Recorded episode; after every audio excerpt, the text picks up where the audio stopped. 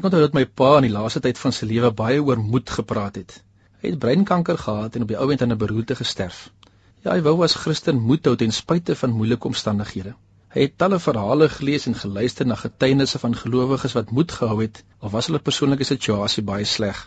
Die profeet Sagaria tree op in 'n onsekerheid in die geskiedenis van Israel. Hy het teruggekeer na Jerusalem vanuit Babylon.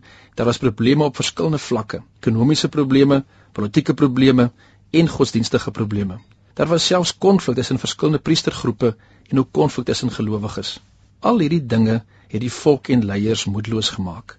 Hierdie tyd lees ons die woorde van Sagaria 8 vers 9. So sê die Here die Almagtige: Skep moed.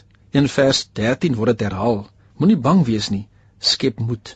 Die woorde skep moed beteken letterlik in Hebreëus: Laat julle hande sterk wees. God wil juis ons hande vandag sterk maak. Hy is die een wat ware moed gee nie die regering of sakeleiers of 'n dokter of vriende of wie ook al nie. Die Here gebruik mense, maar die bron van moed en hoop bly steeds God. God gee moed selfs in situasies wat vir ons onmoontlik lyk.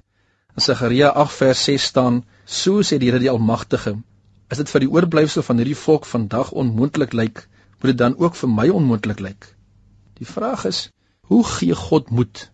Hoe kan ons mekaar op 'n praktiese manier help? Daar is 'n paar woorde wat met die letter G begin wat ons kan help.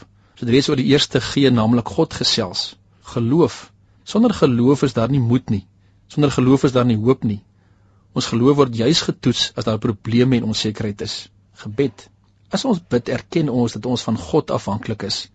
Ons mag bid dat die Here vir ons meer moed sal gee. Geduld. Mense wat swaar kry, het geleer om geduldig te wees. Ongeduldige mense het nie moed in tye van swaar kry nie goed doen. In Sagaria 8 vers 15 tot 17 sê God dat hy wil goed doen aan sy volk, maar hy vra ook dat hulle goed sal doen. 'n Mens kry moed as jy in tye van moedeloosheid iets goeds doen aan ander, dan sien dat die Here vir jou op 'n besondere manier kan gebruik. Die laaste gee geloofsgemeenskap of gemeente. Ek hoor talle getuienisse van hoe Christene mekaar onderling ondersteun en help om moed te hou. Dink maar aan die kerk wat in sekere wêrelddele vervolg word. Hulle help mekaar om moed te hou word dit ter wille van hulle geloof vervolg. Moed en hoop is net soos water. Dit is daarom ons dorste les, maar ons moet bereid wees om dit te skep, bereid wees om die moed deel van ons lewe te maak. Is jy bereid om te bid dat God vir jou vandag sal moed gee? Kom ons bid saam. Here, baie dankie dat U die een is wat vir ons moed gee. Help ons om nie moedeloos te raak nie, al is ons omstandighede ook hoe swaar. Amen.